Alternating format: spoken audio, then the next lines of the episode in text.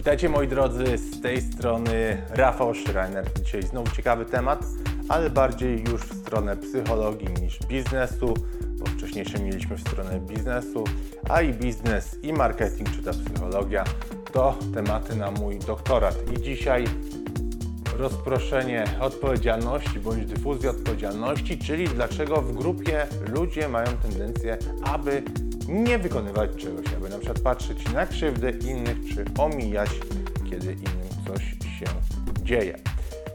Dajcie suba, dajcie like, dzięki temu ja nagrywam więcej filmów i mam do Was jedną prośbę.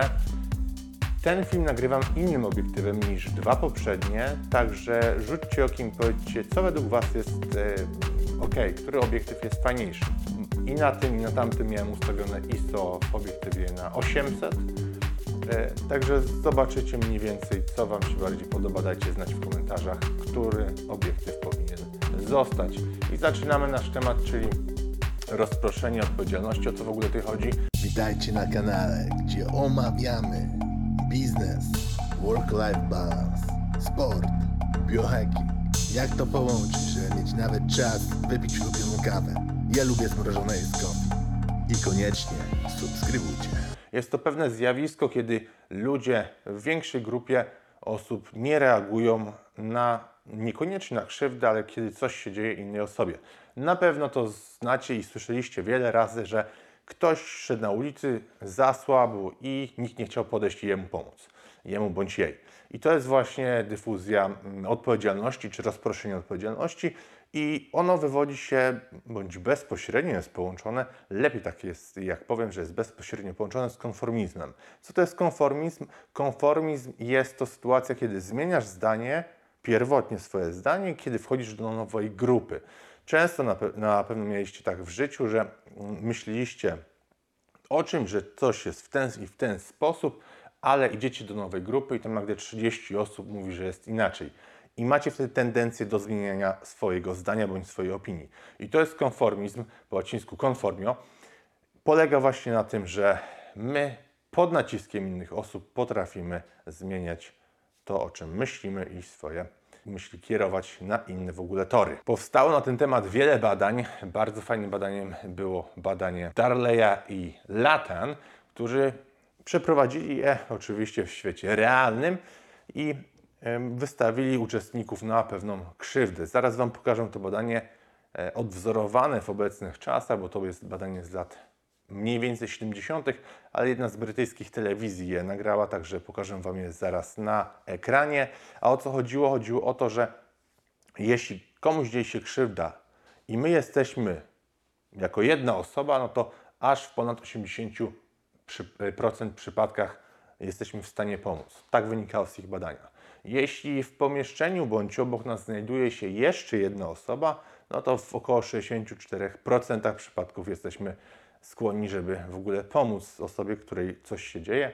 Natomiast jeśli w pomieszczeniu bądź wokół nas było więcej jak 4 osoby, to tylko 31% osób wykazywało się jakąkolwiek pomocą. I teraz taki tip na przyszłość, gdyby Wam kiedyś coś się, nie daj Boże, działo w miejscu publicznym, nie wołajcie po prostu o pomoc, czy, czy nie mówcie na głos, że mi słabo. Musicie podejść bezpośrednio do jakiejś osoby, na przykład ją chwycić za rękę i powiedzieć, zadzwoń po karetkę, albo pomóż mi, bo coś mi się dzieje, mam jakiś atak, może mam chorobę, cukier mi spadł, czy cokolwiek.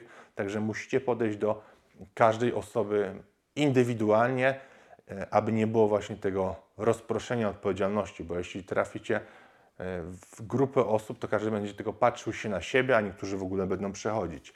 I teraz właśnie chciałbym Wam pokazać odwzorowanie tego badania. Włączyłem polskie napisy na dole ekranu, generowane automatycznie z YouTube'a, także może to być nie do końca tak tłumaczone, ale jeśli ktoś z Was zna angielski, to sugeruję lepiej posłuchać tego filmu.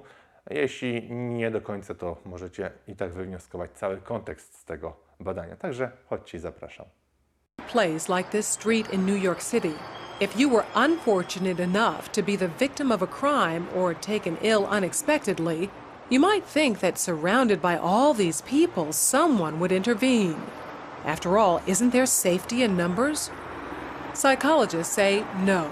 Research suggests that often a victim is less likely to receive assistance when surrounded by a group rather than a single bystander. When people are in a crowd, it's easier to pass the buck. It's what psychologists call the diffusion of responsibility. Liverpool Street Station in London, a busy thoroughfare for commuters. Unknown to these passersby, Peter is an actor. As part of an experiment on bystander apathy, he's pretending to be ill. Help! Help! How long before he gets help? Please, somebody. Help! Help me, sir. Please help me. Helping would be inconvenient or even risky. He lies there for more than 20 minutes and no one raises an eyebrow. Please, somebody help me. It's always very distressing to watch situations like this where people are obviously suffering and no one's actually helping them. But what we have here is two conflicting rules. One is the rule that we ought to help, and the other is the rule that we ought to do what everybody else is doing. And here you have a, a group of, effectively, a group of strangers who are exerting the pressure not to intervene, not to help. And it's very difficult to rebel. Ruth, another actor, takes Peter's place. How long before she receives help?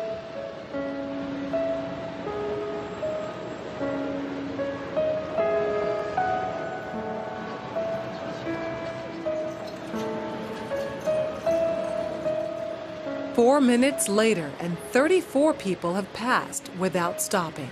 Well, people don't really want to know. They they just haven't got the time. Well, they have got the time. They just don't want to get involved.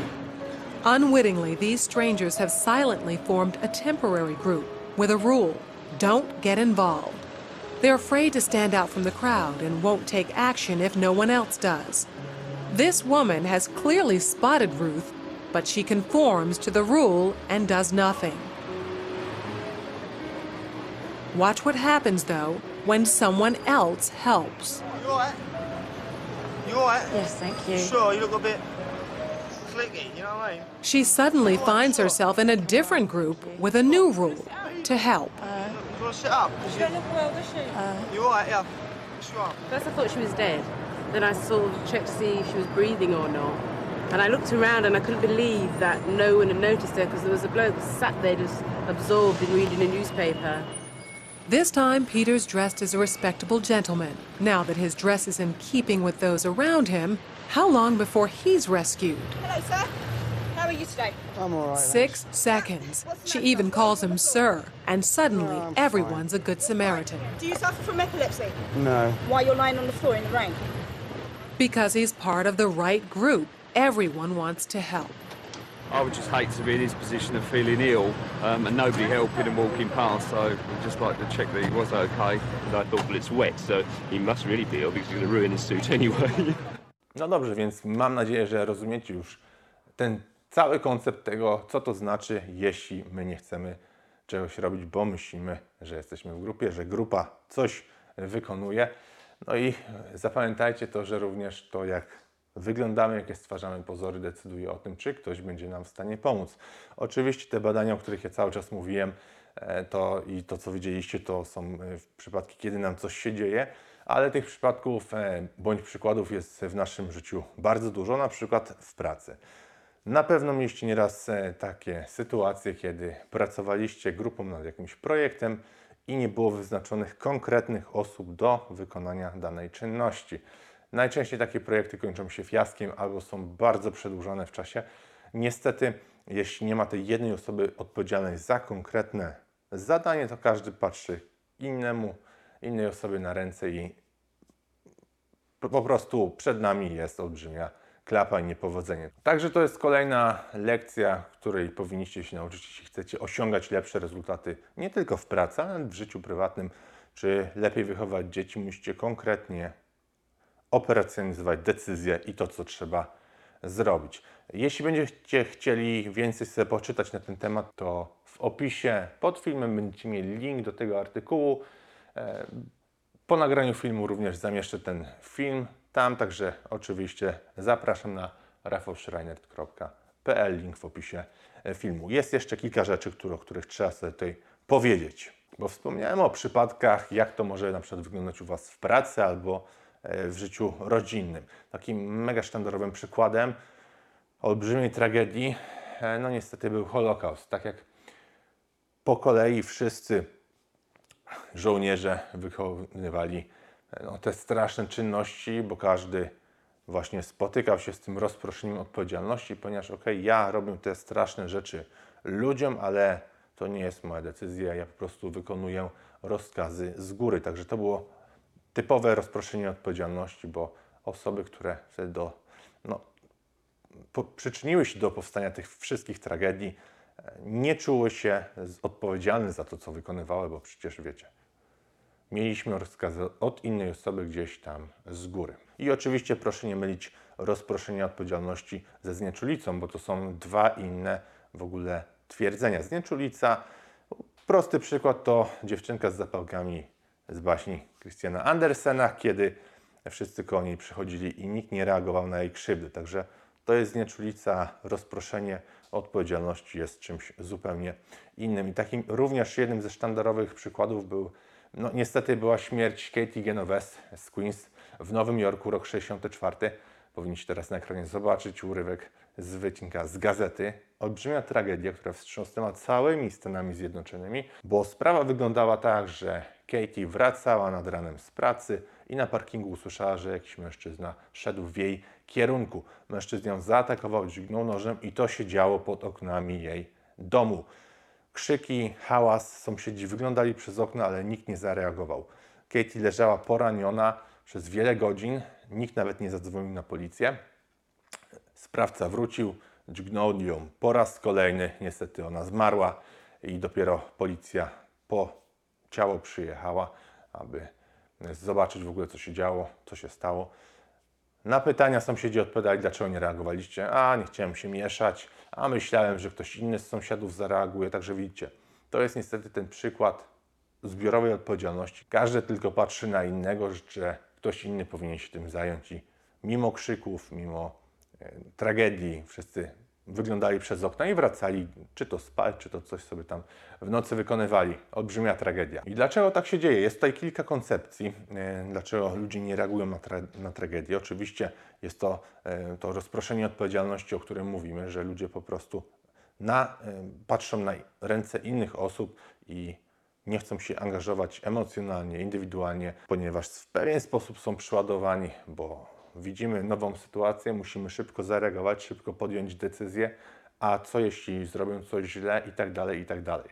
E, Przypadki, na przykład, kiedy ktoś zaczyna się topić i wokół jest 100 osób i może jedna wskoczy, żeby tą osobę ratować. Także widzicie, że tych przykładów w życiu mamy wiele, ja już wymieniłem kilka w tym filmie dla Was. Jeszcze jednym takim ciekawym badaniem od Darleya i Latan już z 68 roku było badanie, kiedy zaprosili kilku studentów na rozmowy kwalifikacyjne i e, oczywiście jeden ze studentów był studentem tak zwanym podstawionym, po prostu udawał, że dostaje ataku podczas sesji pytań.